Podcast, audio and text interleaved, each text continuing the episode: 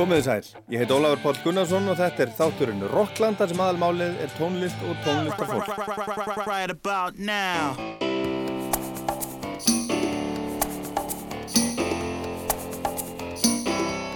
Frábært. Meiri áttur Óli, þetta er bara eins og að borða með fórsetan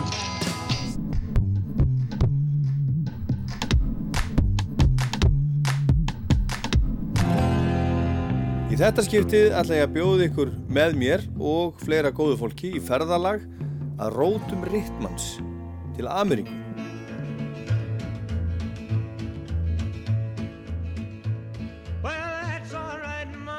Samsið, veitu, hvað er þetta? Hleypur inn og svo, hvað er það að gera, hvað er það að gera? Og hérna, ja, við erum bara just playing around, við erum bara að leika okkur. Do it again, do it again. Svo tókum við þetta og það var That's Alright Mama.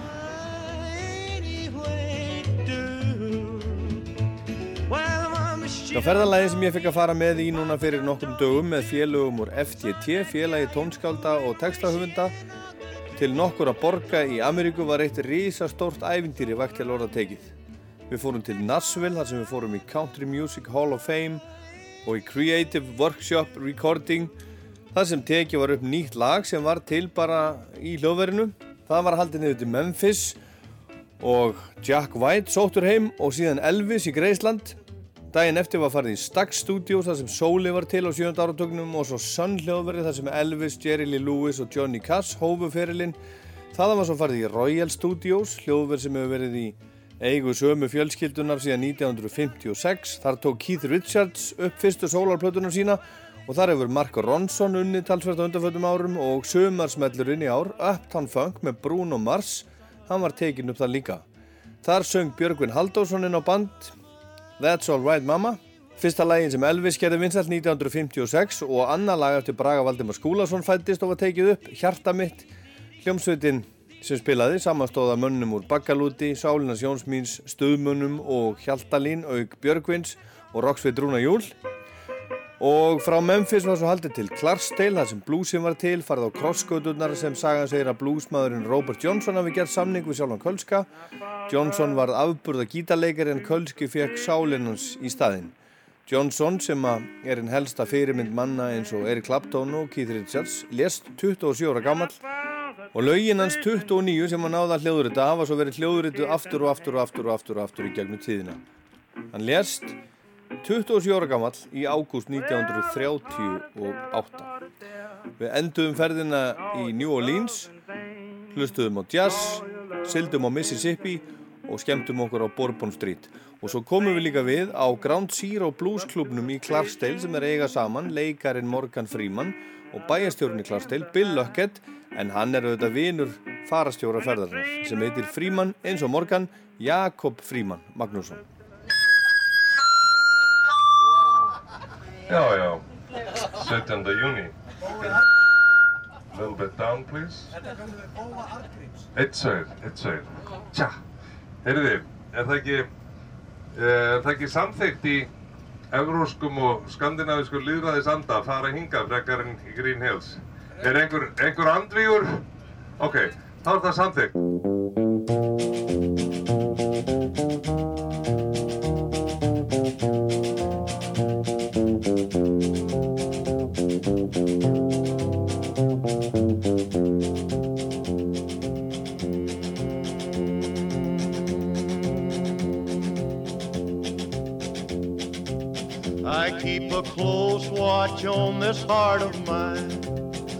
Keep my eyes wide open all the time. I keep the ends out for the tie that binds. Because you're mine, I walk the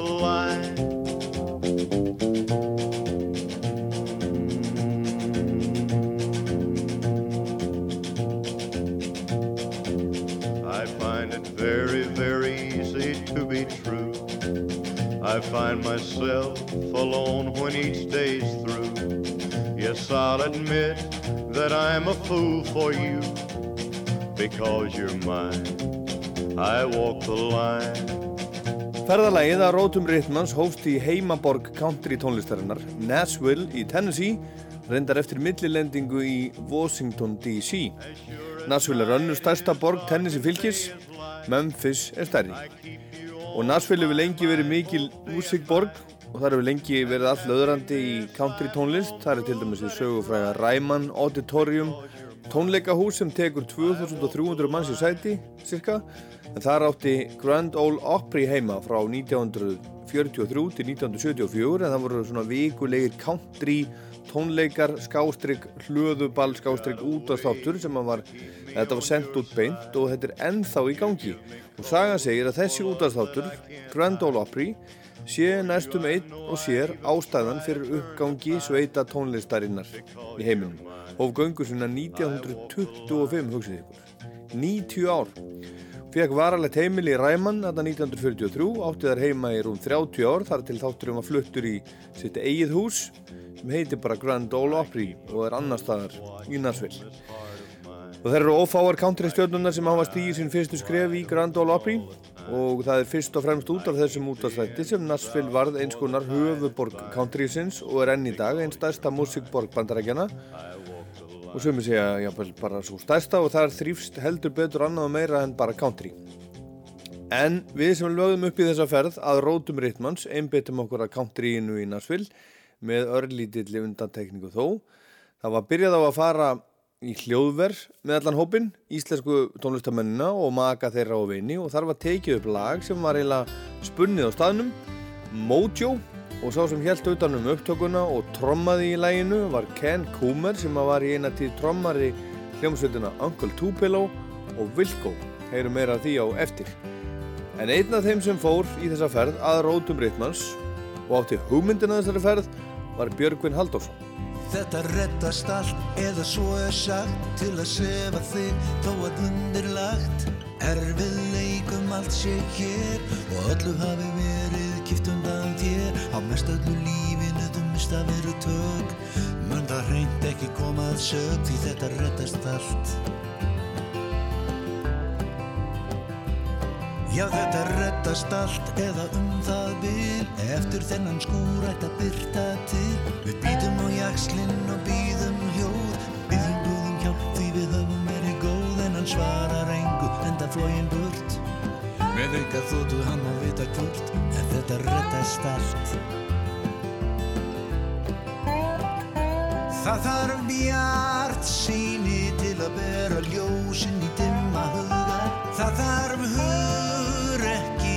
halda því áfram þó það virðist eittuga Þetta reddast allt eða allt að því Þó yfir vofi kolsvört ský Sættum við fæst okkar rjúkandi ráð.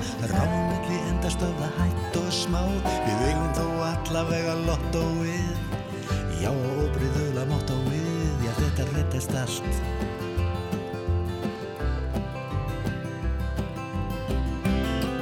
Já, þetta reddast allt saman. Þetta eru Björgvin Halldórsson og hjartagósarnir af blöðunni Sígræni söngvar sem kom út 2009 enn einn countryplatan frá Bó.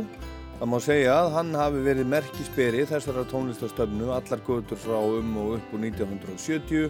Brimkló spilaði countrymúsík með íslenskum textum um sjómenn og konur þeirra og ónt fólk og alls konar fólk og svo var það Lonely Blue Boys og svo hefur hann gert mikið af þessu, hann haldið sér á þessari línu meira og minna alla tíð. En vegna þess að þetta hefur verið sungið á íslensku um íslenskan veruleika þá hefur fólk ekkert að vera að setja þetta endilega í samhengi við country músík en menn segja að til þess að spila country þá þurfum maður ekkert annað en gítar svona þokkarlega stillan þrjá hljóma og sannleikan og Bó leið vel í Nashville. Húnum fannst hann á vissan hátt vera komin heim Mér líður bara mjög vel sko, ég er búin að fara hérna svona svo ofsalega oft í hugan. Já, í hugan. En að, þú hefur aldrei Ég hef komið aldrei komið hingað. Það er nú synd og skömm. Já, þetta er náttúrulega hérna, uppsprettan af öllu þessu sem við vorum að gera, til dæmis í Brimglu og, og síðan þá. Þetta er bara mjög gaman og sérstaklega að fara í þetta creative workshop hérna sem við, við vorum núna rétt á hann í. þar sem að frægi menn eins og Rói Orbison og og Jimmy Buffett, Faces, Leon Russell, Merle Haggard, Doobie Brothers kláruðu setni blötunum sína hérna. Og þetta var að koma hann inn að maður fann hríslast um sig sögur. Já. maður hefur nú verið flug á vekk þarna. Já. Myndið þú vilja koma hingað og, og gera eitthvað? það hefur verið í bíker lengi við ætlum að gera það þessu ári, ég og Kitty við ætlum að koma hérna og, og gera eina blötu bara hérna sko Er það? Já, und, undirbúana bara heima og koma hérna og, og vera hérna í tvær og halva viku og taka blötuna alla hérna. Og stendur það enn? Það er til? bara work in progress, við erum búin að lofa okkur öðrum að gera þetta sko. Já. Og, og, og sko, ég líti á þetta svona svo stutt yfirferð sem við erum að fara á svo maður lítur á þetta svona sem svona recon. Svona könnunarlega okkur. Við erum eitthvað að fara svo víða sko. Já, já. Og, þetta er bara alveg meira áttar, En ég fæ mikið út úr þessu. Þú ert farin að, farin að undirbúa næstu heimsóknir? Já, já, við, við ætlum að gera þessa blötu, við erum byrjað að velta þessu fyrir okkur og, og það er bara, og fara kannski með einn, tvo hljófaraleikara með okkur kannski. Já. Það, það er nú heldur nóg að þeim hérna? Já, ég veit það, en sko, bara til þess að hafa þetta svolítið mixað. Já. Og hann sagði mér að Ken sem, að, sem var hérna að tromma. Trommarinn í Wilco. Akkurat, hann sagði mér að væri hérna svona 150 stúdíu. Já. Sko, Nashville, þar sem við erum staðið núna, er vagga tónlistar í bandaríkunum. Þetta er orðið aðal borgin fyrir tónlist. Já. Hér vaksa þeir á trjánum, hljófarleikarinn, Já. hver öðrum betri og þeir segja bara bransininn í Ameríku, það er voðalega margir sem flytja hingað. Já, og Hér er svo mikið business og mikið bransi. Og það er meira, hann sagði að þetta væri sko, þetta hefur náttúrulega verið svona country bær Já, einu sinni, en það sé ekki lengur, þetta sé alveg svona allavega 50-50 rock. þetta er rock og, og pop, Já, pop sko, því að countrymúsík í dag er í raun og veru þið nýja pop. Þessi popmúsík. Hérna, hefur bara þróast út í það. Við vorum á staði í, í, í gæri sem heitir Station Inn sem að allir þeir frægustu bluegrass gallarnir hafa komið fram á litlu sviði og, gömur hlaða sko, það var alveg æðislegt upplöfilsi að vera þar sko. Band sem spilaði Langaði þið ekki að blanda þér í það? Nei, það, nei, það var nú svo þreytt þegar við komum í gær sko en, en hver veit, þetta er bara æðislegt að Þú ert bara komin heim. Já, og sjá hérna vegaskiltin, það er Knoxville, það er Memphis, við erum í vöggunni sko. If you're traveling to the North Country Fair, where the winds hit heavy on the borderline, remember me to one who lives there. For she once was a true love of mine. See for me that her hair's hanging down. It curls and falls all down her breast.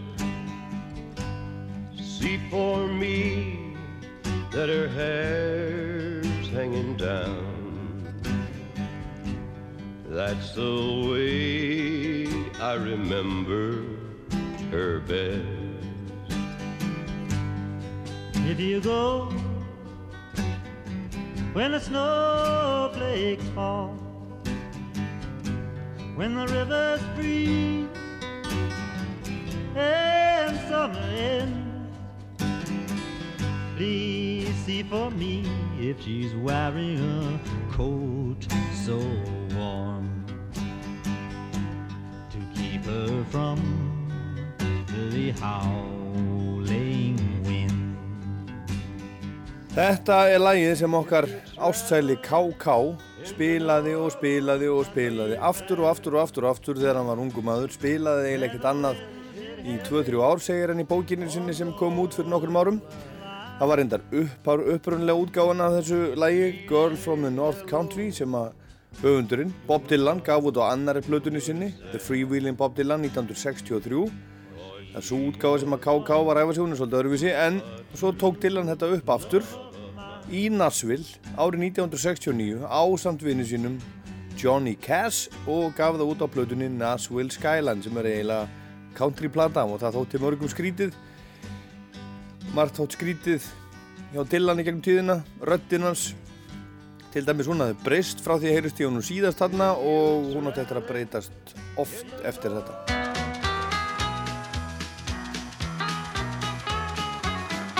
Hi, this is Willie Nelson, and you're listening to Iceland Radio 2 and Rockland.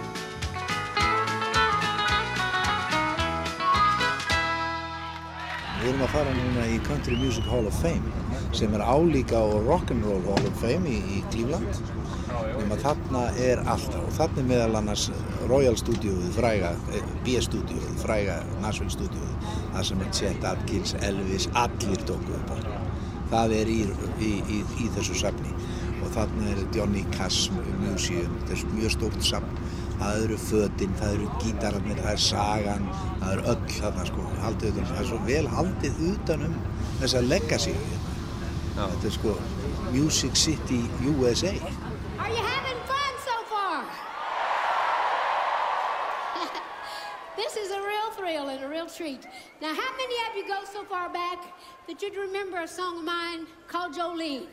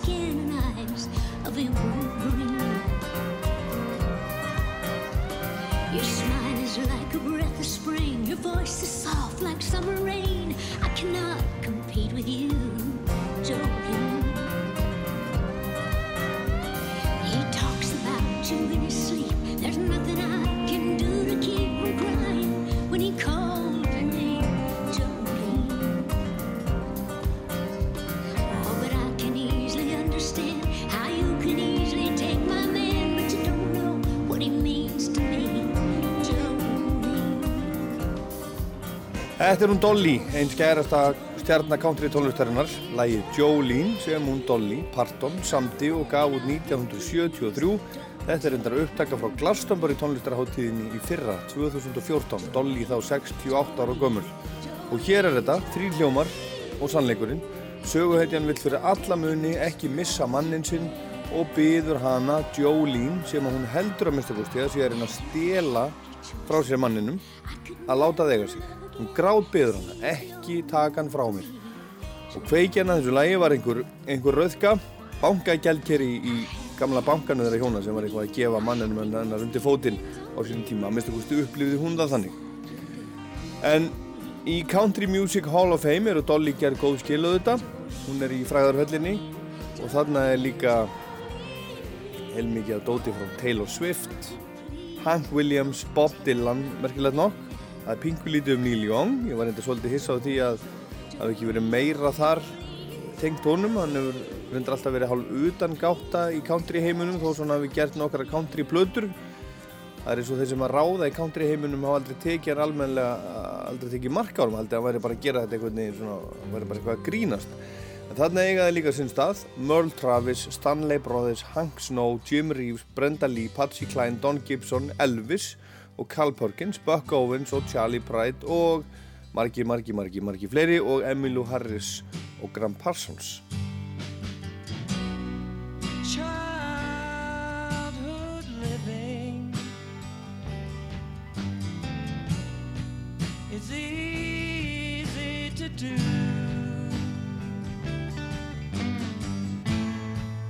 The things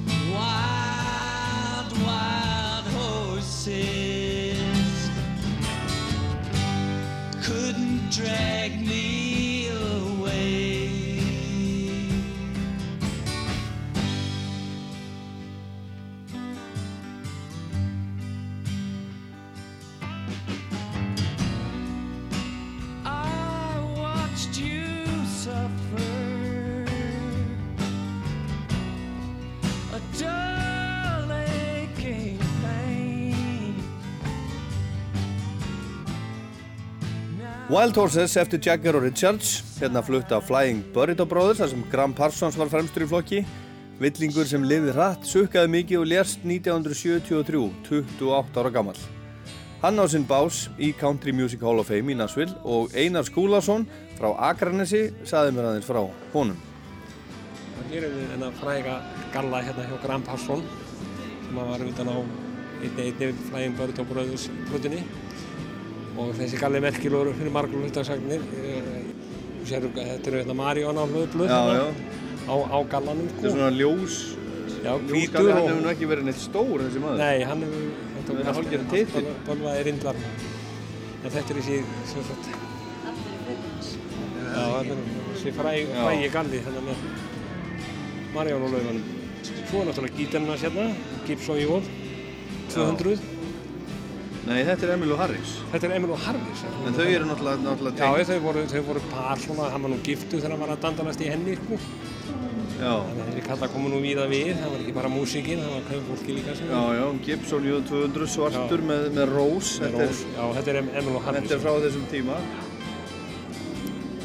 Og þetta er...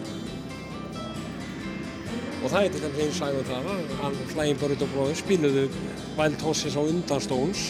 Keith Richards létt vinn sinn, þeir voru svallfélagar og, Já. og sukkuðu mikið saman og hann létt svall vinn sinn, Graham Parsons fá þetta lag 1970 og þeir gáðu þetta út á.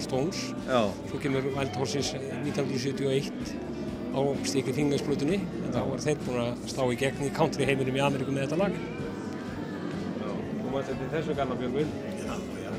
Ja. Grasið. Það er grasið. Það er grasið. Þetta er náttúrulega uh, þessi gallar, allir þessi flottu, flottu gallar og föt sem við sjáum hérna í þessum stíli sem Graham Parsons er uh, saumað og hannað af Nudie. Það heit Nudie, N-U-D-I-E, Nudie Suits. Já, já. Hann, hann, Og, hann og núti eru líka bara vinsalega gallaböksur í dag? Já, já, já, jú, jú, sko, og í, í Memphis er, er búð sem heitir Laskis, þar sem Elvis fór alltaf og kefti fötin sín. Og, og, og, og, og þar meðal er Nudie líka, Nudie bjóð til öll þessi skrautföt sem þið sjáu hérna, sem eru öll svona brótiruð með stælum.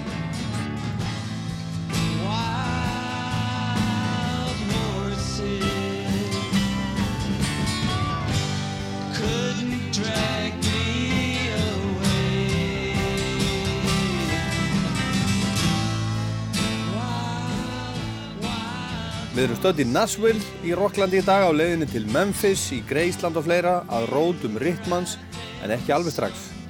Á meðan megnið af hóknum fór í country-safnið í Nashville urðu nokkur á tónlistamönnunum eftir í Creative Workshop lögverinu og unnu þar í lægi sem var búið til á staðnum og mun líklega heita Mojo.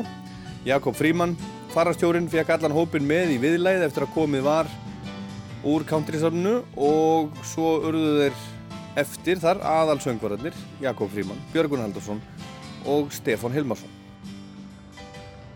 Well, me chums, þá er þessum uh, upptökudegi lokið og þakka ykkur fyrir ykkar þátt í upptökunni á þessu upptökuheimili.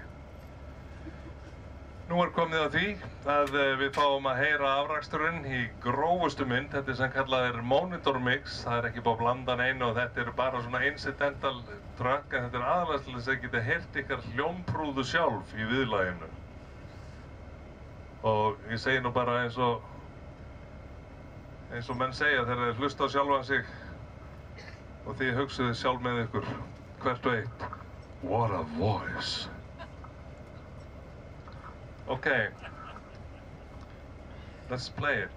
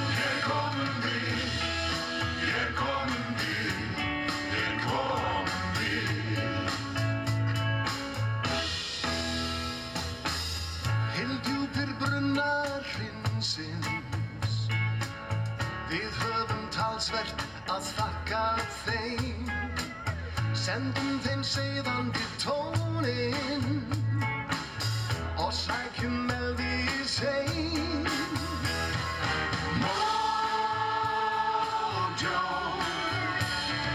Mojo. Ég komum við Ég komum við Ég komum við Þannig er nú það. Hér komum við alheims frumflutningur upptaka úr hátalaраkerfi rútunar sem flutti hóp 43 Íslandinga að rótum Rittmanns í Nashville og Memphis og New Orleans og Clarksdale um síðustu helgi. Það er gaman fyrir mörg ykkar hér inni sem ekki hafið sungið inn á plötu áður að syngja inn á plötu sem fer beint í fyrsta sætið um leið og hún verður gefin út. Já, það verður á öllum útastöðum Íslands í tættur þetta lag. Og ég til fulla ástæði til þess að óska höfundónum til hamingju sem að sömdu þetta, Braga, Valdimar og öllum sem að því komu. Ég er ekki einu sinni alveg vissi hverju það voru. Ég veit að Stefán var þarna, ég veit að Hjörtur var þarna, Gummi var þarna, Hannes. Gefum höfundónum gott klapp. Og söngurunum og sjálfum ykkur! Hey, this is Nathan from Kings of Leon, and you are listening to Rockland on Rouse Tour.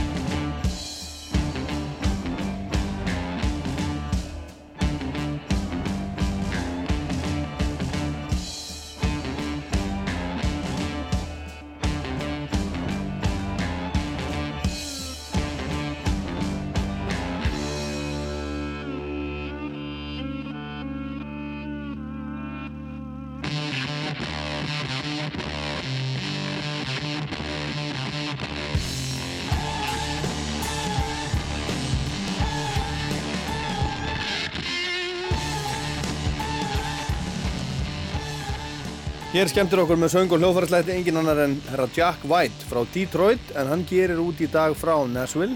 Þar rekur hann Third Man Records, plötu útgáfuna og vestlunina og hljóðverið. Þar er meiningin að hljóðrita að minnst kosti eitt lag, hugsalega fleiri, í cirka 70 ára gamalli upptöku, upptöku klefa sem þar er Það vakti miklu aðdegli þegar Jack White flutti hingað fyrir nokkrum árum síðan frá New York. Það þótti merkjum að Nashville væri að verða höfuðborg tónlistarinnar í Ameríku sem er teljan að vera það nú þegar. Og uh, þaðan ætlum við að rúlla við í Ræman Theatre, sjá hvernig tíminn skamtar okkur það. Það er hægt að skjótast inn og kíkja fyrir 20 dollara, taka stuttan túr eða langan eftir atvikum en hann verður eiginlega að vera stuttur. Uh, því að við þurfum að halda áfram för samkvæmt schedule þannig að við sjáum hversu margir vilja freistast til vínilblötu gerðar hjá Jack White. Það kom ímsum á óvart um, þegar við fréttum það að við hliðin á okkur í gær í, í Creative Workshop stúdíónu þar er Blackbird eitt besta stúdíó landsins að sögn frábær stúdíó frægt. Og Kitty Hjálmur kíkti að það aðeins inn en þeir vörðust nú allra fregna því hvað væri þar í gangi og ekki hægt að fá að skoða það svona eins og sem stúdíó önnur. En það kom á daginn í gerðkvöldi að þar við hljóðritun var starfandi íslenska hljómsveitin Kaleo. Undarleg tilvíljað Oh, Father, tell me, do we get what we deserve? Oh, we get what we deserve. And where down we go, go,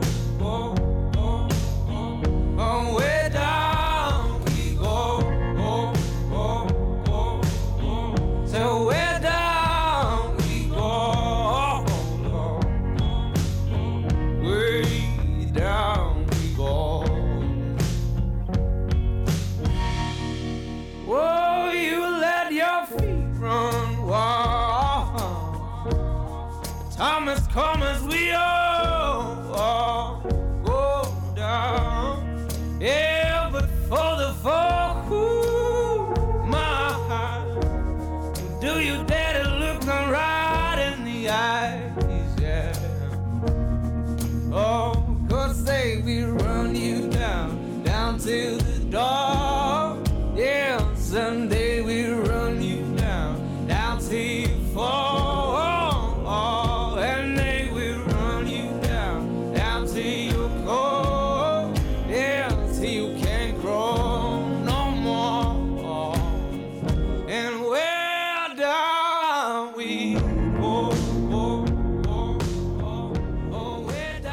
undarlega tilvílun að strákarnir okkar úr Moselsbænum Kaleo skildu hafa verið að vinna í hljóðveri í Nashville í næsta húsi þegar 43 íslenski tónlistamenn, makar þeirra og vinnir og ég og Jón Páll Tökumaður frá Akranessi vorum þar.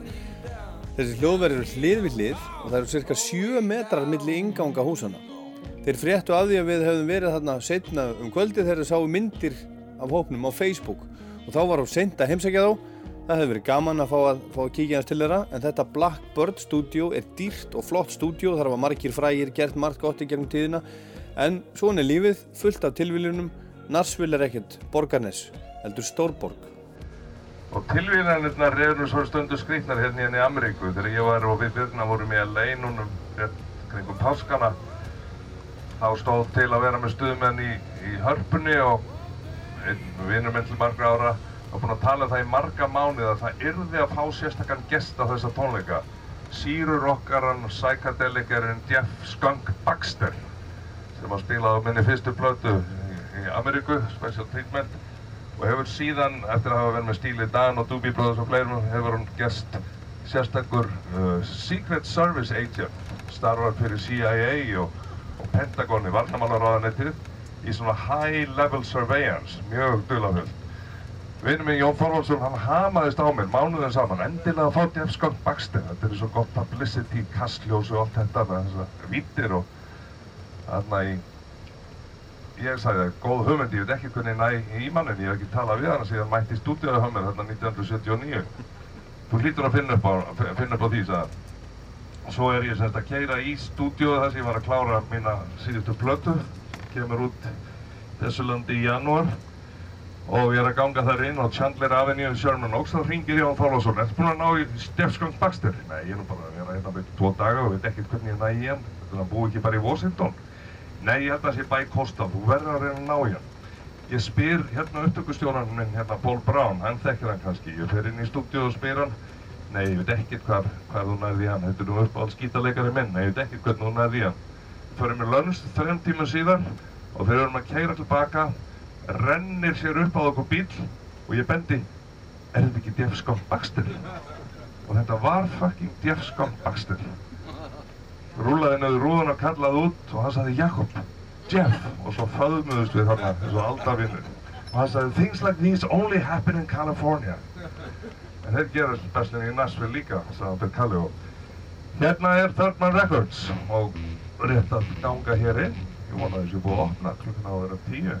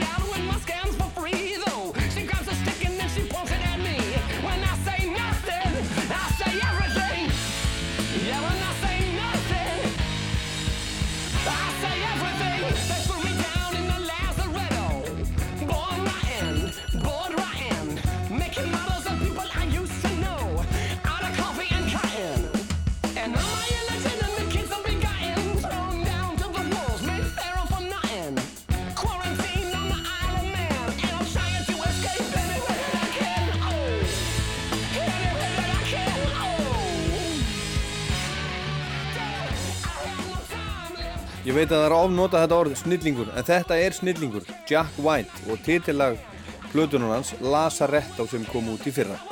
Jack White var annar meðlum að hljómsveitarinnar The White Stripes eins og margir eflaust vita, söng þar og spilaði gítar og eiginkonans Meg White sem hann sagði reyndar öllum að væri sýsti sín spilaði trommur.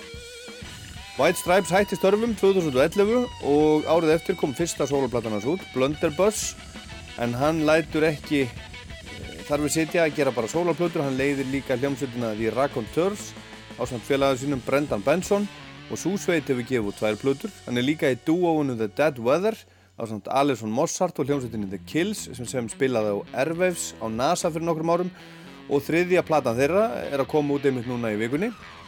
Hann er áttfaldur Grammy velunahafi hefur leikið í kvikmyndum hann hefur gert Bond-lag á samt Alicia Keys og hann er reynlega einn mikilvægast maðurinn í tónlistarheiminum í dag að minnstu kosti í því sem að kallast rock and roll.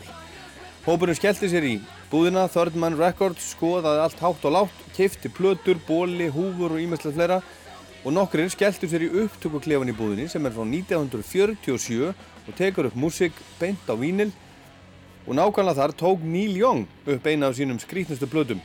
Ekki bara í setni tíð heldur bara frá upphafi. Hún heitir A Letter Home, hún kom út í fyrra og hún byrjar svona. Hi, Mom. Hey, it's great to be able to talk to you. Uh, I haven't been able to talk to you in really a long time, and uh, my friend Jack has got this box that I can talk to you from. So I'm glad to be able to send you this message and tell you how much I love you, and also tell you that I think you should start talking to Daddy again. And since you're both there together, there's no reason not to talk. And also, uh, you know how we used to watch the weather all the time on TV?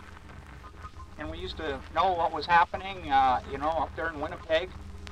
And, uh, well, I met this guy named Al, and he's uh, he's the weatherman now for the whole planet, if you can imagine that. And uh, he's uh, he's not uh, sometimes not popular because uh, this is very strange, but you know, people turn on the weatherman when the weather is going to be bad.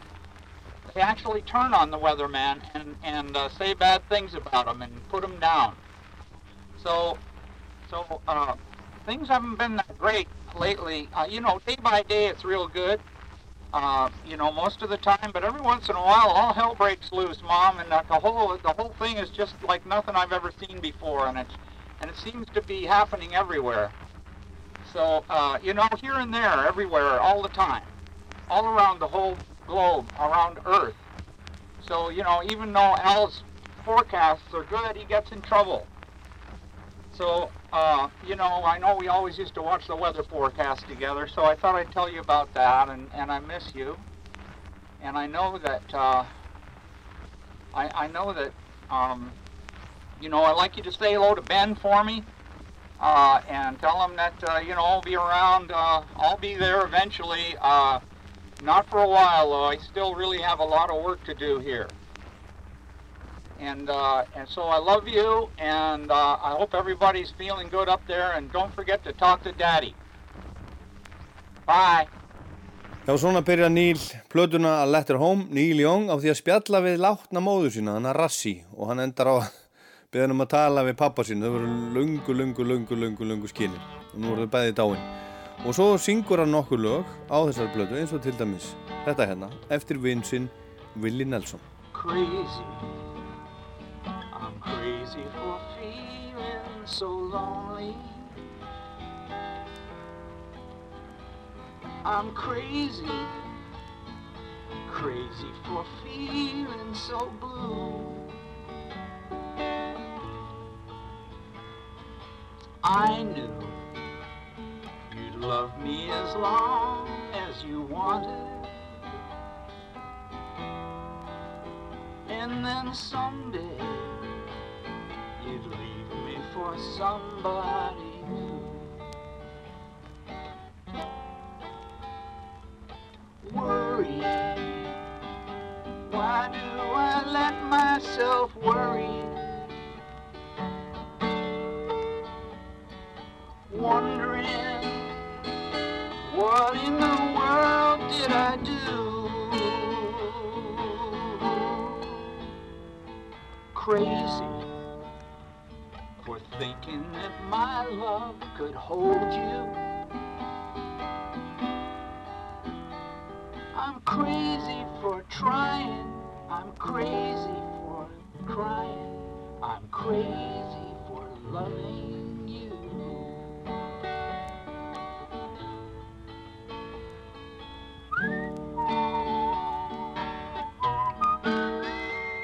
Neil Young og lagið Crazy sem Patsy Cline gerði frækt árið 1962, upptaka sem hann gerði í gamla upptökuklefanum í Third Man Records í Nashville í fyrra, þar sem Jakob Fríman hljóðuritaði í ferðinni, gammalt lag sem að vinnir hans Rod Stewart og Long John Baldry hljóðurituði einhvern tjóman í gamla daga. Heyrum það hérna á eftir. En í Man hittu við besta vinnaðal, hægri hönd Jacks White og einn af þremur stopnendum Third Man Records, Ben Swank. I'm Ben Swank. I'm the consigliere of Third Man Records. Uh, I helped start the company uh, six years ago. Uh, we started, there was just three of us, myself, uh, Ben Blackwell, and Jack White. Um, Okay. And everything that here is uh, started off much smaller.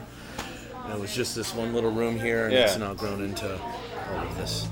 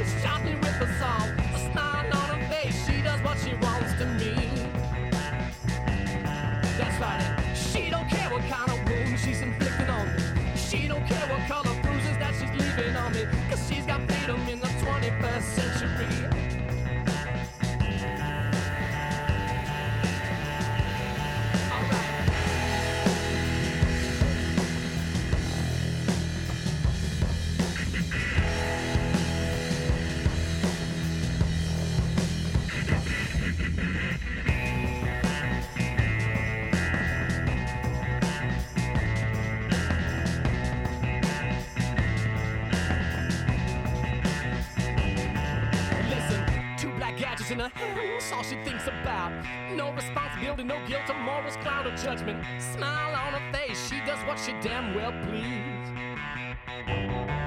Right, and she don't care what kind of things. Ben Swank sem ég spjallaði við í Third Man er einn af þremur stopnendum Third Man Records stopnuðu þetta fyrir sex árum í Nashville Jack stopnaði þörðmann reyndar árið 2001 í Detroit en upphaflega keiftan húsnæði til þess að geima græjur, white stripes í og alls konar dót sem hann átti og svo langaði hann til þess að gefa út einu og eina litla vínilplötu með white stripes en í dag er Third Records magnað plötufyrirtæki plötubúð, lagar fyrir upptökur og plötur og við hliðin á búðinni er svo The Blue Room sem er upptökustúdjó, ljósmyndastúdjó, síningasalur fyrir listaverk, listagalleri og kvikmyndasalur og uh, í rauninni svona lítill tónleikasalur og þangað fengum við líka að fara eða Jakob Fríman leiti allan hópin, íslenska hópin þangað inn að sjálfsögðu.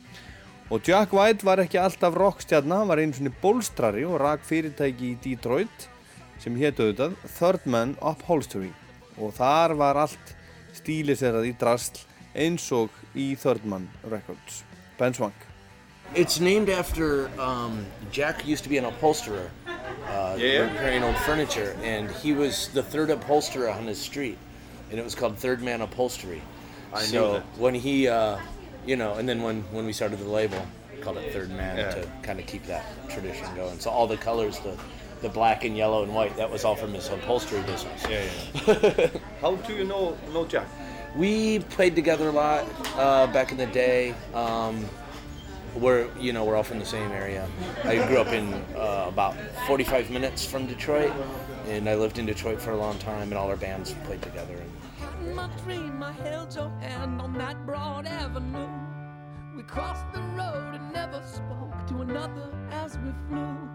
We left your man alone and drag, laughing there at us. A romantic bust, a blunder turned explosive blunderbuss.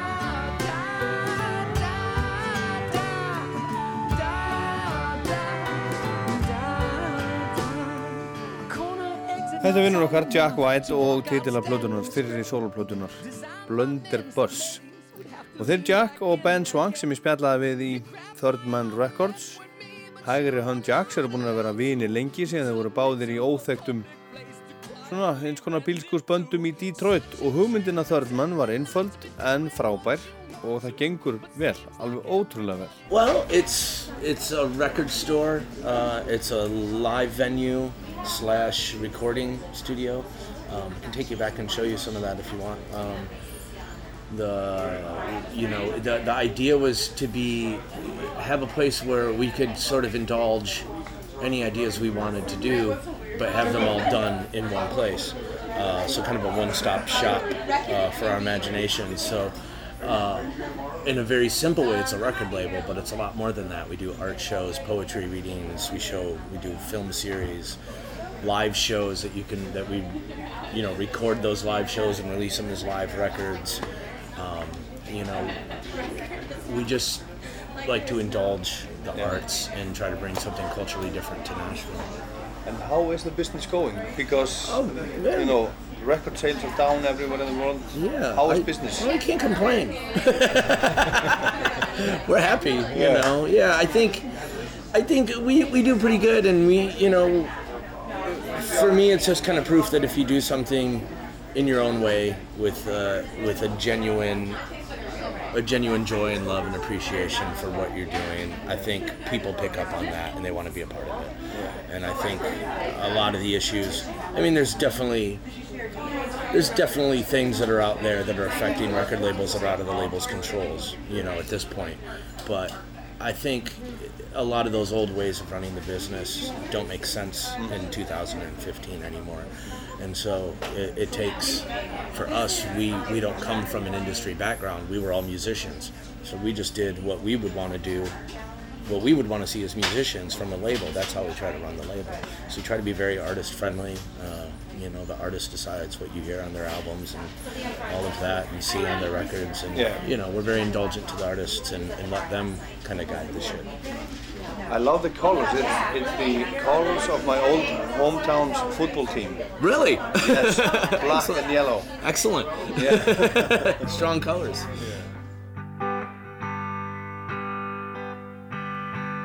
One of my fondest memories was sitting on my daddy's knee, listening to the stories that he told. He'd pull out that old photograph like a treasured memory from the past and say, Child, this year's the family Rose.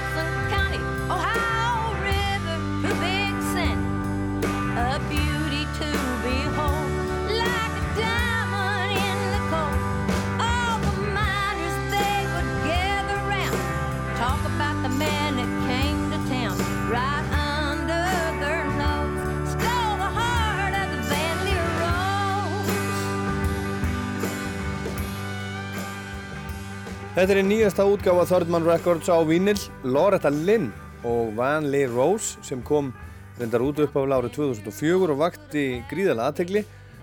Sjálf Cole Miners Daughter, hún var þá 78 ára gömul en upptökustjórin sem gerði plötuna með henni var hinn 28 ára gamli Jack White frá Detroit, gaurinn úr White Stripes.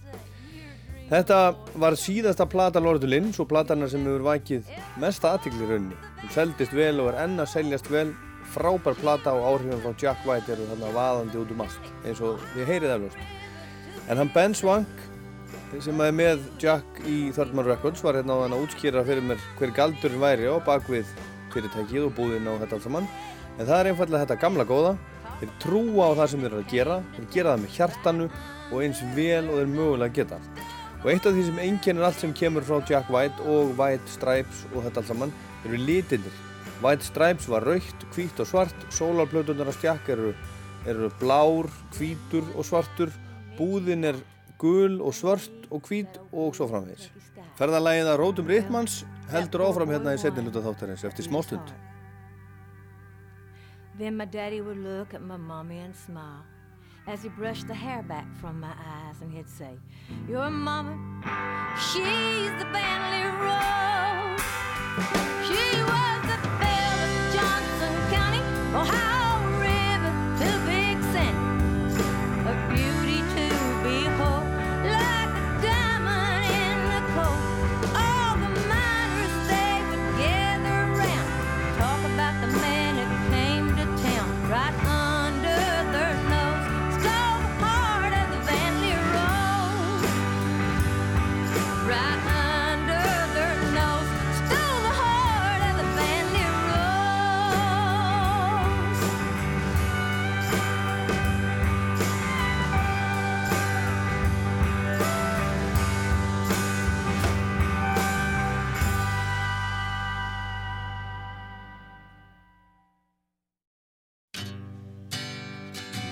this is Jeff Tweedy from Wilco, and you're listening to Rockland on Icelandic Radio.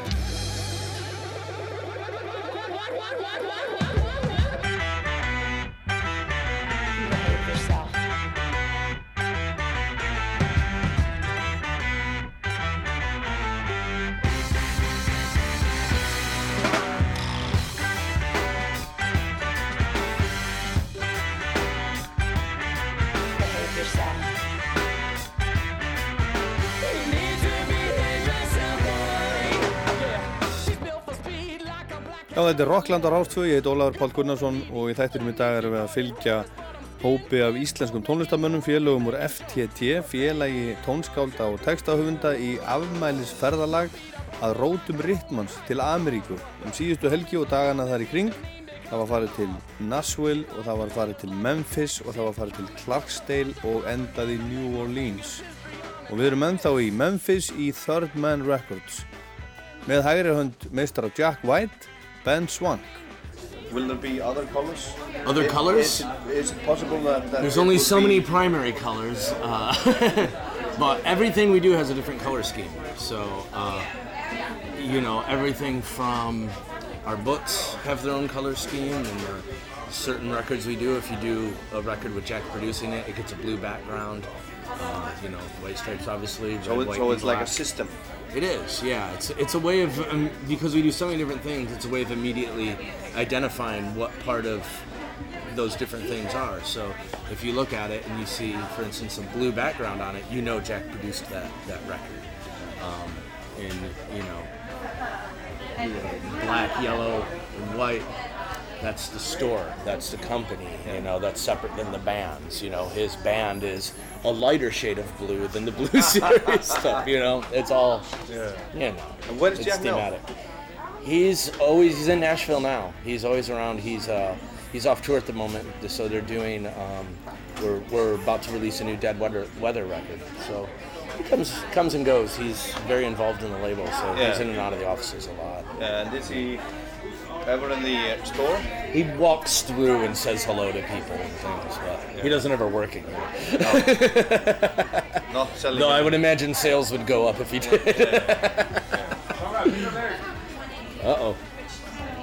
And where actually did Neil Young record his album? In this booth? Yeah, in this booth And here. It was just here. We moved it into the venue uh, so he could have space. So we just we moved it into the venue and set up a little lounge area with some couches and things, and just kind of made it a nice environment. And he hung out for a week and just recorded a bunch of songs and just hung out in our offices, drank coffee, talked to people. Like an incredibly gracious and nice person. Almost to the point of being, I was almost intimidated because he was so nice. He was like one of my biggest heroes that's ever walked the earth. And then he's just leaning in my doorway asking me, you know, what kind of coffee we use. And I was, I don't know how to take that from Young.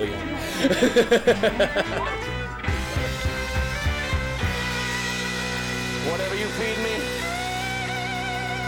I'll feed you right back. But it will do no good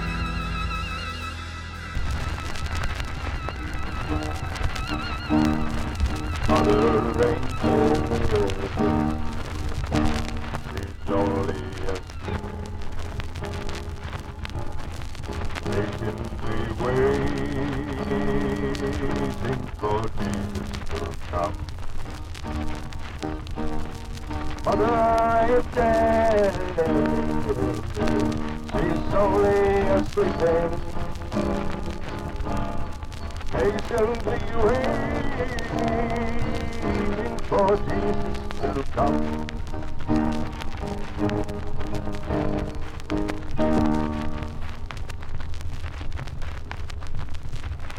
Good, hold.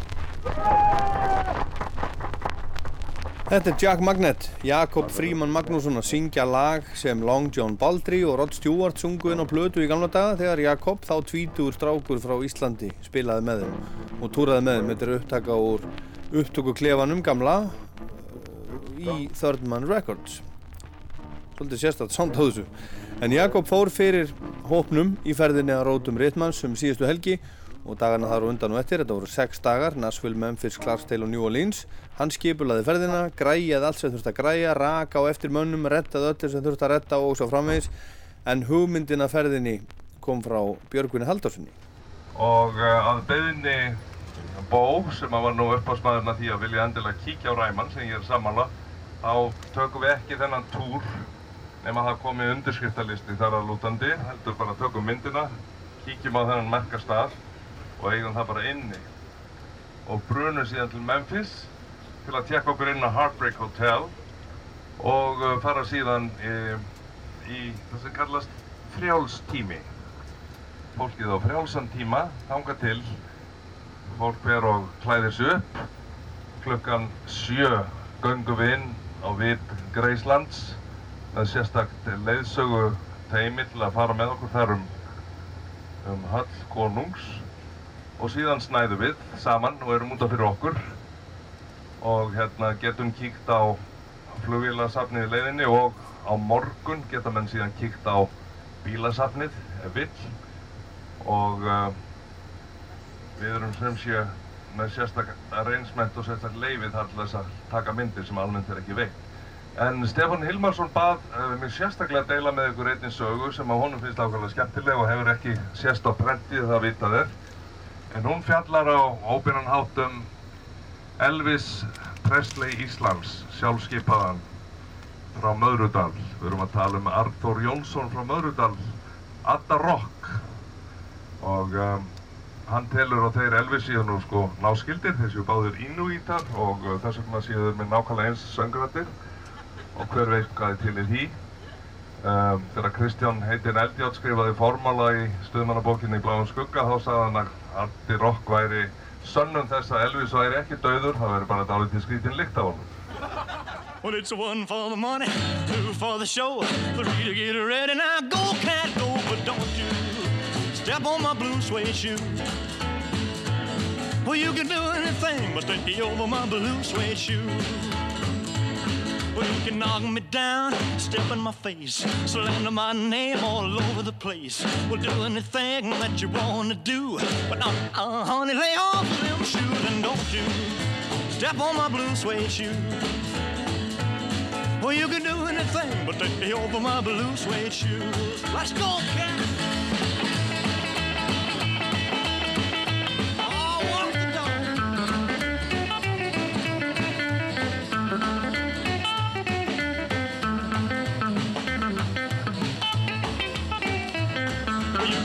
My house, steal my car, drink my liquor from an old fruit jar. Well, do anything that you wanna do. But uh, uh, honey, lay off of my shoes and don't you step on my blue suede shoe. Well, you can do anything but take me over my blue suede shoe. Rock it! Elvis Aaron Presley, konungur rocksins og Blue Suede Shoes eftir Carl Perkins, einn af eldstu smellunum hans. Og einn af aðal viðkomustöðunum í þessari ferð að rótum Rittmanns með Bjögga Haldós og Steppa og Gumma á sálinni og Braga Valdimar Baggalúti og Kitta Hjálmi og Gumma og Hirti úr Hjaltalín, Heimi Sindrasinni og fleira fólki, fleiri lagahöfundum og vinnum þeirra og mögum og svo leiðis var Greisland, sjálft heimili Elvis og þangað eru við á leiðinu núna. Uh, það vita það kannski ekki allir en stuðmenn voru uppalega leinin hljómsveit, Huldur hljómsveit sem kom fram með grímur á fyrstu breiðskífunum sumar á Sílandi en á fyrstu tveimur smáskífunum þá hétt hljómsveitin nöfnum sem að sem að voru bara dikturuð upp. Uh, eitt þeirra var Lea, Lars Himmelberg sem að hefur loða við Valgeir Guðjónsson síðan. Anna var Leo Löfi sem við smíðum okkur fannst að vera hlægilegt að kalla mann Leo og hafa hann Löfi Ljón Ljónsson. Höfum ekki hugmyndum að Leo Löfi var til. Löffræðingur Reykjavík var bálítlur og þetta var með að gera grína sér maður býða sérstaklega afsökunar. Og þriðja namnið var dulnefnið af þeim sem að hér talar og var Elvis Eithorsson fylgdi söguna að hann væri launsónur Eithos Þorlákssonar gítarleikara. Hvernig sem þá það var hann að hugsa þannig að mér finnst á vissan átt ég verið að koma heim núna Elvis Eithorsson snýr aftur til Memphis Maybe I didn't treat you quite as good as I should have. Maybe I didn't love you quite as often as I could have. Little things I should have said done. I just never took the time. You were always on my mind. You were always on my mind. Maybe I didn't hold you all those lonely And I guess I never told you. I'm so happy that you're mine. If I made you feel second best, girl, I'm so sorry I was blind.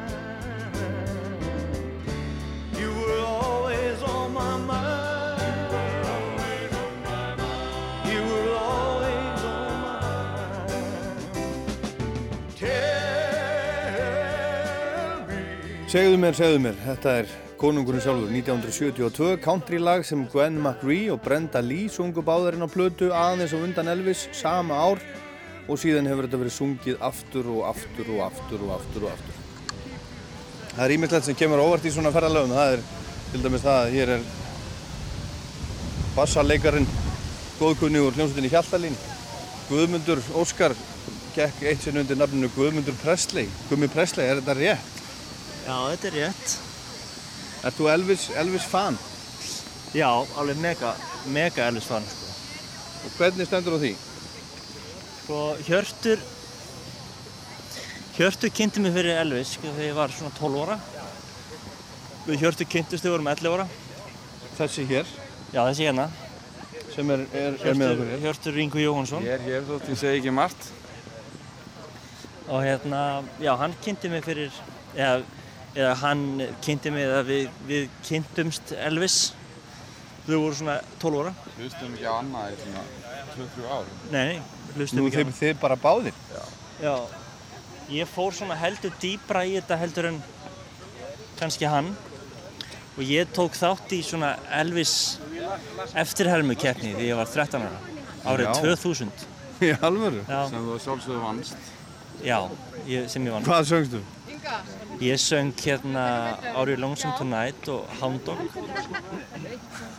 Ég, ég verð nú að segja það að keppni var ekki hörð En það ekki? Nei Það getur alveg sungið Elvis? Já, já Já Það er að okkur að heyra? Þú syngar kallin. Are you lonesome tonight? Do you miss me tonight? Are you sorry we drifted apart? Does your memory stray to a bright summer day when I kissed you and called you sweetheart? Does the chairs in your parlor seem empty and bare? Do you gaze at your doorstep and wish me there? Is your heart filled with pain? Shall I come back again? Tell me, dear, are you lonesome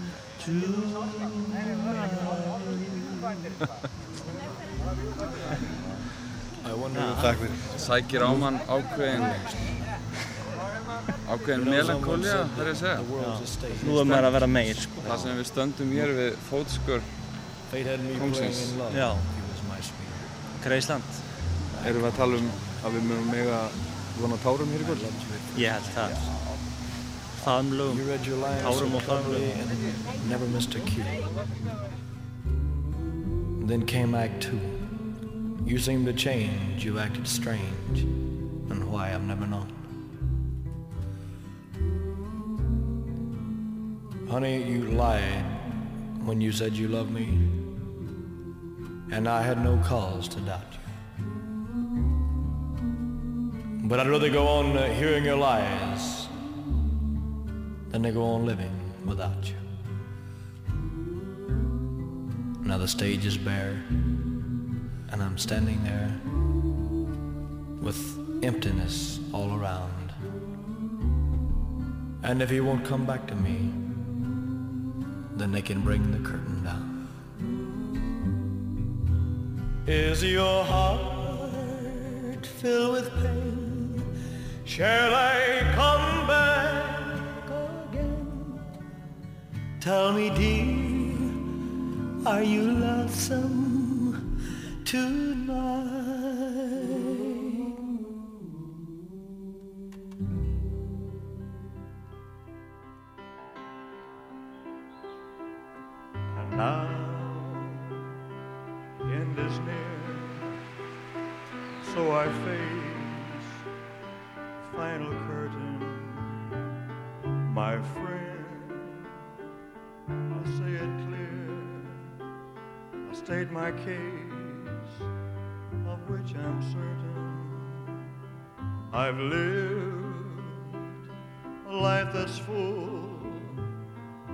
Traveled each and every byway. Oh, and more, much more than this. I did it my way. Regrets. Elvis sló í gegn 17-18 ára gamall skömmu setna var hann orðin miljóner heimsfrægur, forríkur krakki sem fekk ekki að þroskast eðlilega og lést síðan 42 ára gamall óhamingjusamur, gjörsamlega búinn að vera á líf og sál eftir margar ára ofneislu læknadóps einangraðar á heimili sínu í Memphis með fullt af já-fólki í kringum sig og Greisland sem við fengum að skoða þarna í þessari frábæru ferð fengum sérstakann kvöldtúr og það var alveg magnað. Það er ótrúlega upplifun að labba þarna um sjá stofunans þar sem hann tók á móti gestum og skemmti þeim borðstofuna svefnherbyrgi fóreldrana stofunans, jungle room eins og það var og er kallað. Það er eitthvað svakalegt að herbergi sem ég hef séð. Fara ofan í kjallaran, sjá sjónvarsherbyggið biljartherbyggið og svo garðin og útihúsin við á rúfa ætlum að deila þessu öllu með ykkur í mynd þegar sjónvarsþátturinn verður síndur síðar en við fengum sérstatt leifi til að mynda í Greisland og svo eru það allir búningarnir og fötinn, gullplöturnar, gítararnir hans flugvélarnar, bílarnir, skrifstofan og að endingum gröfin leggsteinin hans og tvíburabróður hans Jesse Garon sem lést í fæðingu og mamma og pappa Gladys og Vernon. Þau eru öll þarna að liggja þarna hlið við hlið. Og þetta er hvers dollars virði? Ég ætla að fara þarna aftur setna ef ég get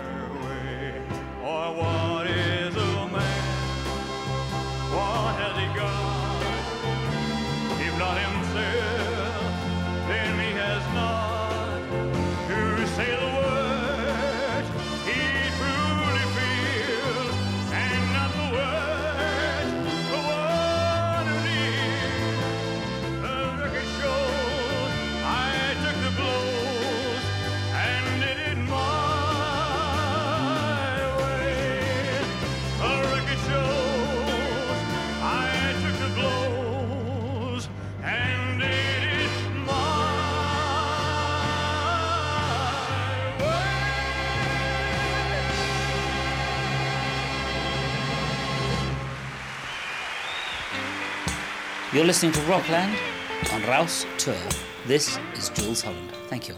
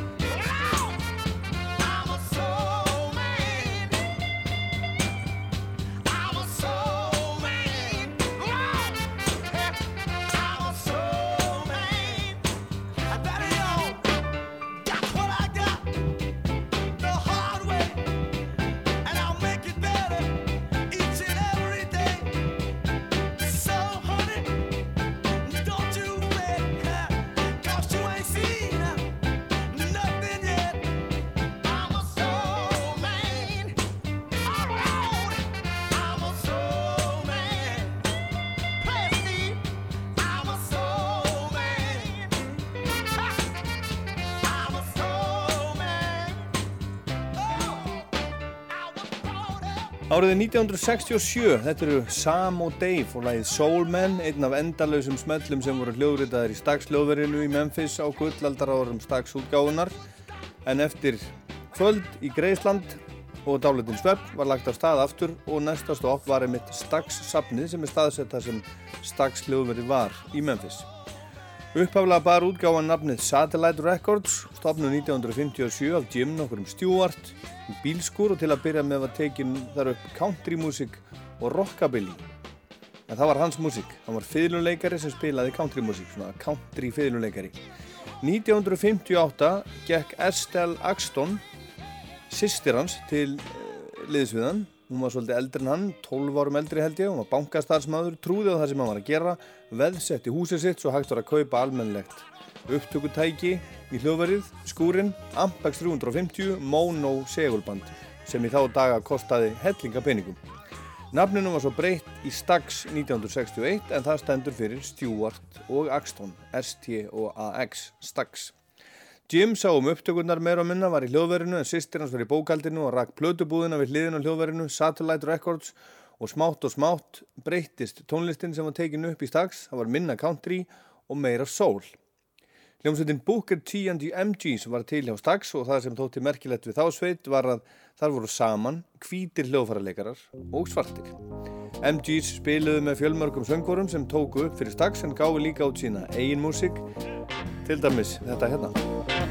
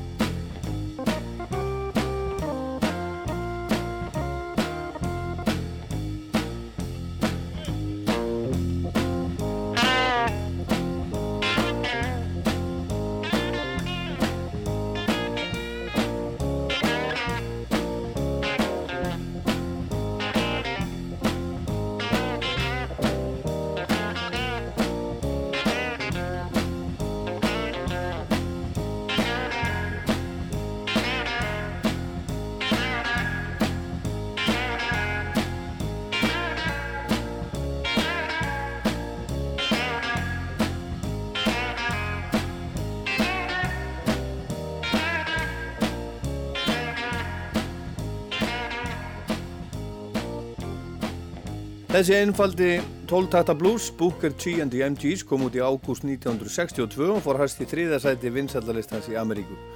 Gríðarlega góður árangur og þetta hefur verið notað í ótal kvikmyndir og heyrist alltaf reglulega í útvarpu um allan heim en þetta er dag. Hefur verið notað í upphafstef útvarstáta og þetta bara er einhvern veginn út um allt. Ég hef að mest að heyrt þetta lag allstaðar alveg síðan ég var bann. Booker T og MGs var eins konar húsband hjá Stax og Stax gaf mikið út og tók upp ennþá meira sem aðrar útgáður gaf út og það má segja að Stax hafi verið heimavöllur þess sem að hefur verið kallað Memphis Soul, sálar tónlistinn frá Memphis sem að er þekkt út um allan heim. Og það voru ekki allir dílarnir sem Stax-sískinin gerðu góðir og á endanum fóru fyrirtækið á hausinn 1975. Fósendur breytust þegar skærasta stjarnan þeirra, Otis Redding, lést árið 1967, langt fyrir aldur fram Þau Jim og Estelle þurftu að fá nýtt fólk með sér inn í fyrirtækið og á endanum fór sem fór. Byggingin sem hýsti hljóðverið var svo rifin 1989, synd og skömm, en rúmum áratug síðar var það svo byggt aftur húsið í eins upprunleiri mynd og mögulegt var og Stax sapnið var þá opnað. Sem hópurinn frá FTT heimsótti núnum helgina og þar á meðal voru sálarmenninir Stefan Hilmarsson og Guðmundur Jónsson en Sálin og Sjónsmins spilaði upphálega sólmusik engungu músíkina sem var tekin upp í Stax á sínu tíma.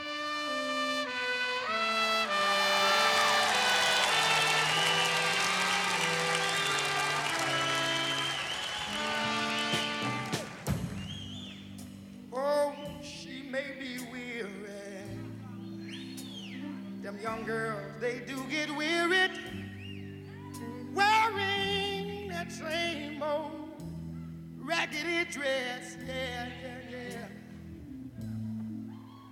But when she gets weary,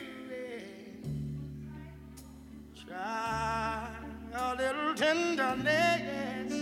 Yeah, yeah, yeah. That's all you gentlemen got to do. You know what I'm talking about. I know she's waiting, just anticipating a thing she'll never, never, never, never possess. No, no, no. But while she there waiting, try, try just a little bit of tenderness. That's all you got to do now. Then you might say something like this. Or it might be a little bit sentimental, no, no, no.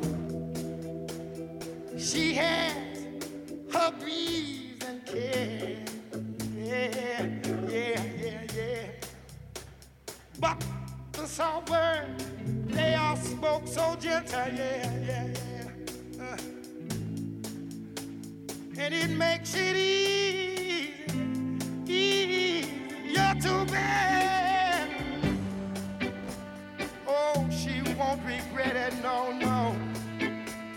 Young girls, they don't forget it.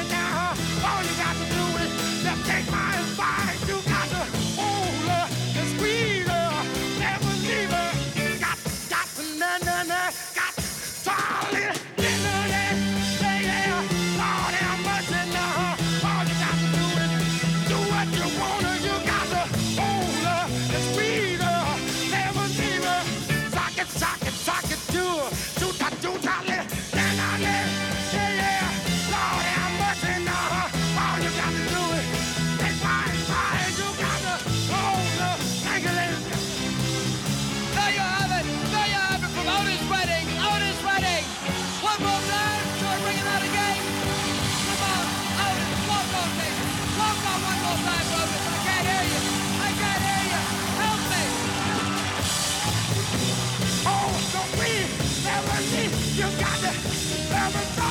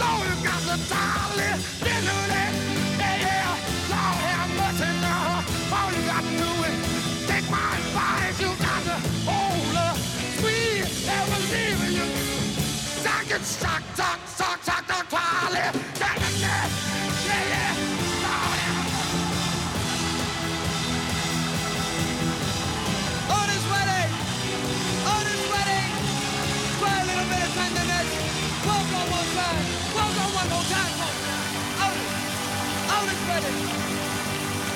Here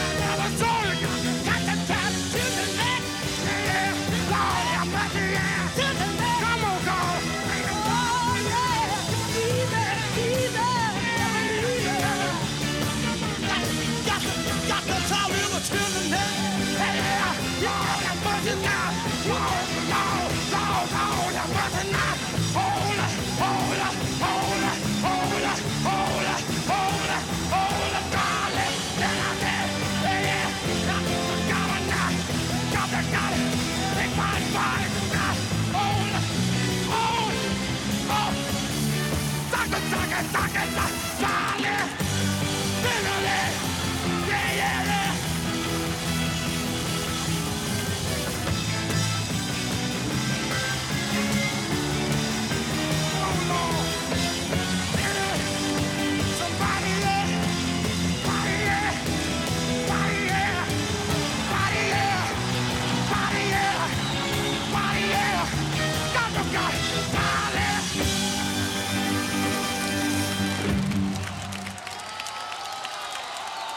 Þetta þarf að heyrast til enda. Þetta er Otis Redding á tónleikum árið sem hann lést 1967 og mögnu útgáfa hans og Booker T and the MGs Try a Little Tenderness sem er eldgamalla kom upp af lót 1932 og Bing Crosby gaf það til dæmis út árið eftir 1933 en þetta er eitt af lögunum sem að Otis Redding er þekktur fyrir en svo samdan helling sjálfur líka til dæmis Sitting on the Dock of the Bay á samt Steve Cropper gítarleikara MGs Otis Redding lést í flugslýsi, var að fljúa millir tónleikastada í bandarækjónum í desember 1967, var vond veður og, og flugvillin hrapaði. Og hann var ekki nema 26 ára gammal hljóðsegur, magnaði náðungi. Frá stakksafninu, hljóðverinu, fór hópurinn íslensku tónlistamennir og vinir þeirra sem að fóru til Ameríku að leita að rótum Rittmanns, fóru á næsta sögufræga stað, Sun Studios í Memphis, þar sem Rocky er hennilega fættist. Nákvæmlega svona. Björgun Haldásson var með okkur í Sun, segir okkur frá þessu hérna betur og eftir. When each weary day is through, how I long to be with you, my happiness. Every day I reminisce, dreaming of your tender kiss, always thinking how I miss my Já, það er skemmtilegt að er saga frá því þegar að Elvis kemur hérna, hann er, hann er hérna vörubílstjóri, vinnur hjá svona ramagsfyrirtæki, litlum pick-up. 17 ára þegar? Já, eitthvað svoleiðis og hann, hann langar að gefa glatis mömmu sinni upptöku með sögnum, því hann var alltaf að syngja í skólanum og svona. Og hann, eh, hann kemur hérna og samir ekkert við, Marjón, engaritari, er hérna. Og hann borgar einhverja, veist, 10 dollara fyrir að fá að taka upp. Hann tekur lagið My Happiness fyrir mömmu sína. Og þakka fyrir og vill endilega fá að koma aftur. Og segir við Marjón get ég komið aftur? og oh, we'll see, we'll see segir hún. Og svona og allt í góðu. Og hann fer og Marjón er með upptökuna sko. Og hún er svo hrifin á honum. Bæði hvernig hann lítur út og hvernig hann syngur. Og hún, hún hérna geymir upptökuna og, og leifir Sam að heyra hana. Og Sam er eitthvað, já hann er ekkert volað impressed sko, en alveg hörð á þessu sko. og, og Sam síðan, já, fá mann inn bara, fá mann inn. Svo kom hann hérna. Að taka upp svona og tók svona cover version svona fræg lög og svona.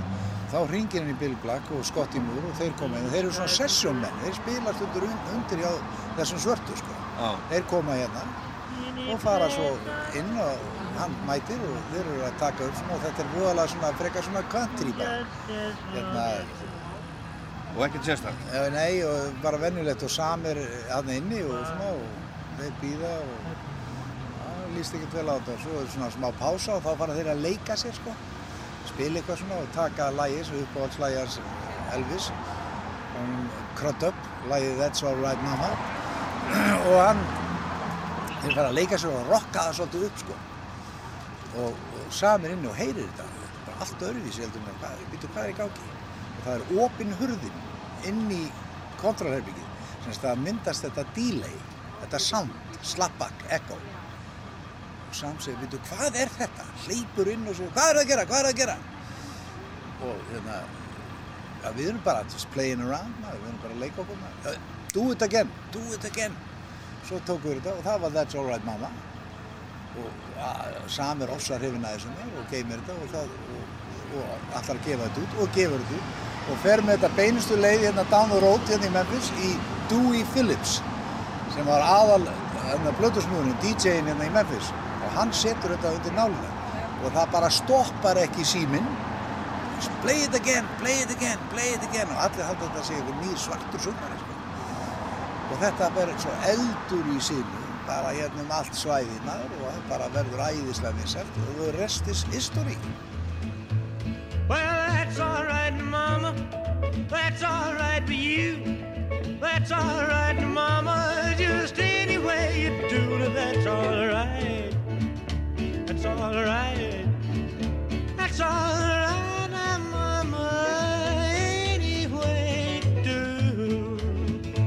Well, Mama, she done told me. Papa done told me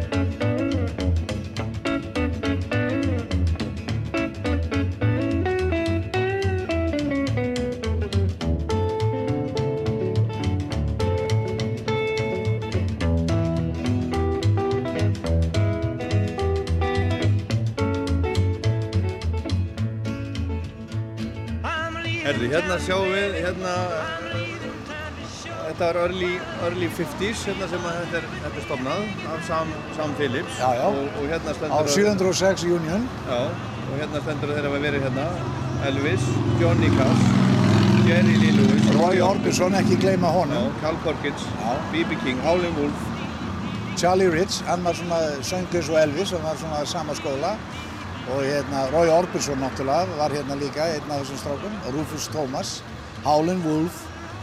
Því að þeir voru, hann var að taka upp vola mikið af blúsnum svona þessum kveldökku og hérna var bara í því að, taka upp, hérna komu allir sko, úr sveitunum bara til þess að taka upp.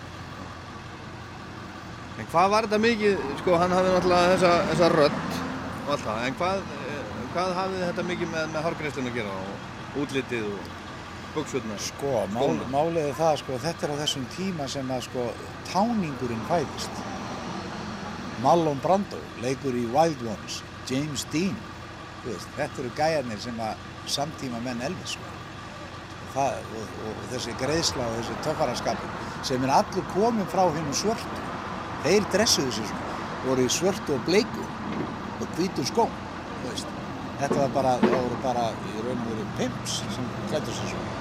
En þetta var klænaðurinn sem hann tilengaði sér, litaði hárið og svona og stakk í stúf.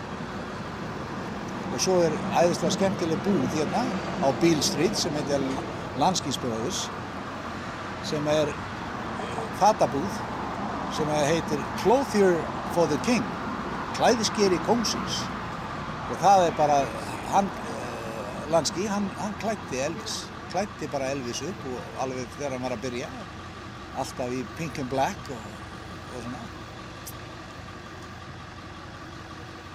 Þetta er, ofsalega skemmtilegt að vera hérna sko, þetta er biblíubeltið sko. Hérna er þetta, þegar við erum í raun og veru í þessari ferð, erum við hérna í vöggu amerískrar dægurtónlistar sko. Málið er það, það er margt slæmt í henni Ameríku en það góða við það er þessi arfleif, þessi músikarfleif sem að þeir eiga alveg skuldlust og við erum bara hérna í vöggunni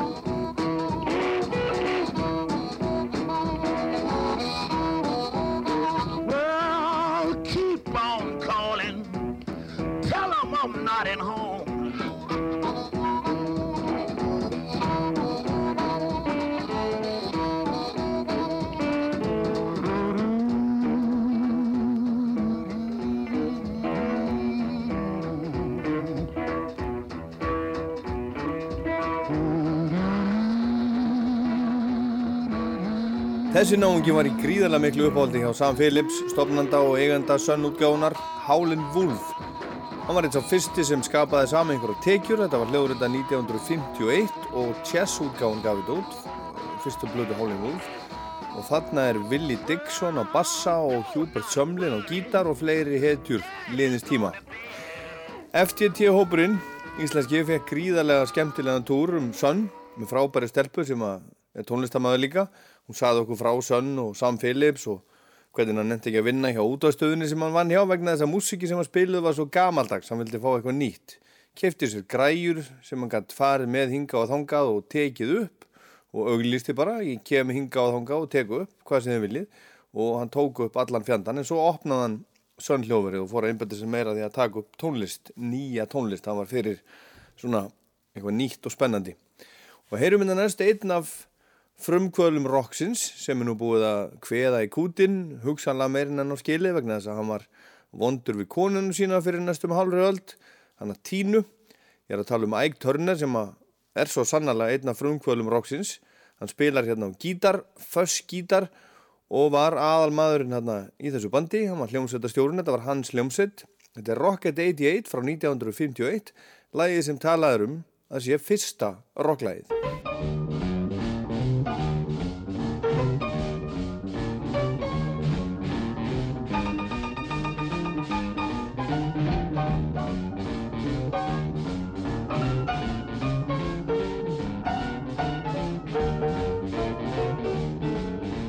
Heard of jalopies, you've heard the noise they make, but let me introduce my new Rocket 88. Yeah, it's it straight, just one way. Everybody likes my Rocket 88. Baby, we'll ride in style, moving all along.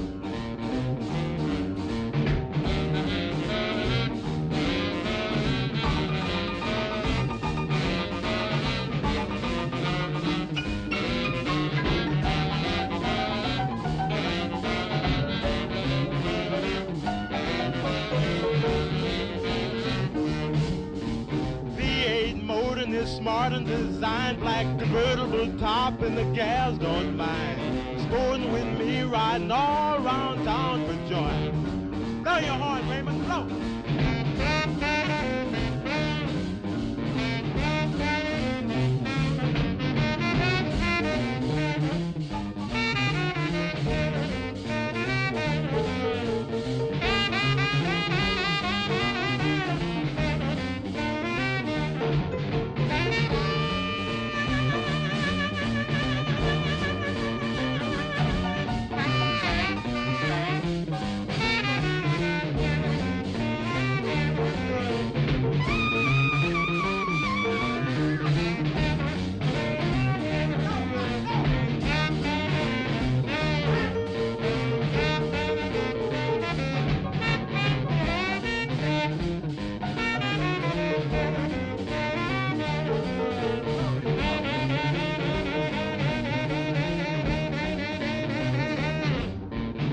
Step in my rocket and don't be late, baby. We're pulling out about half past eight. Going round the corner and get a bill. Everybody in my car's gonna take a little nip. Move on out, oozing and cruising along.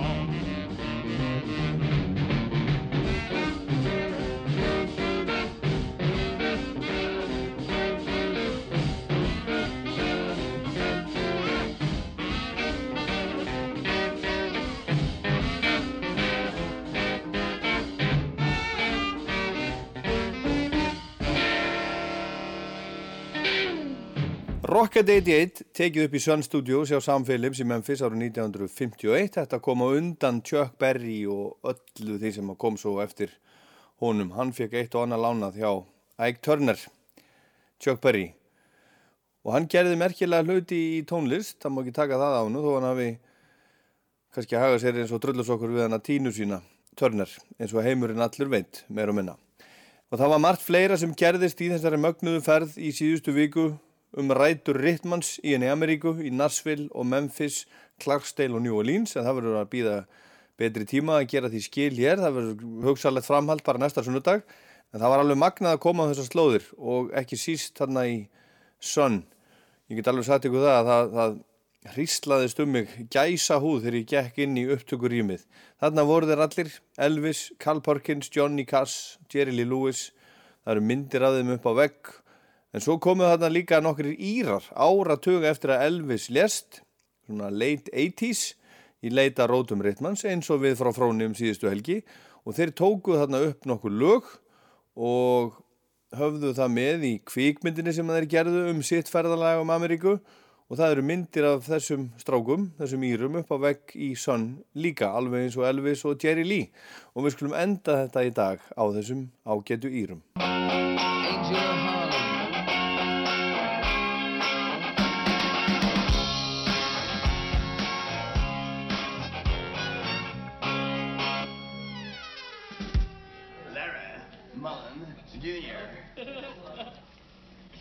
I don't have a mic on, so you don't know what I'm saying.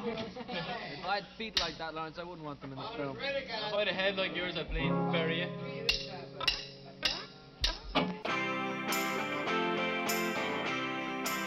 Já, þetta var Rockland. Ég heit Ólafur Páll Gunnarsson. Takk fyrir að hlusta.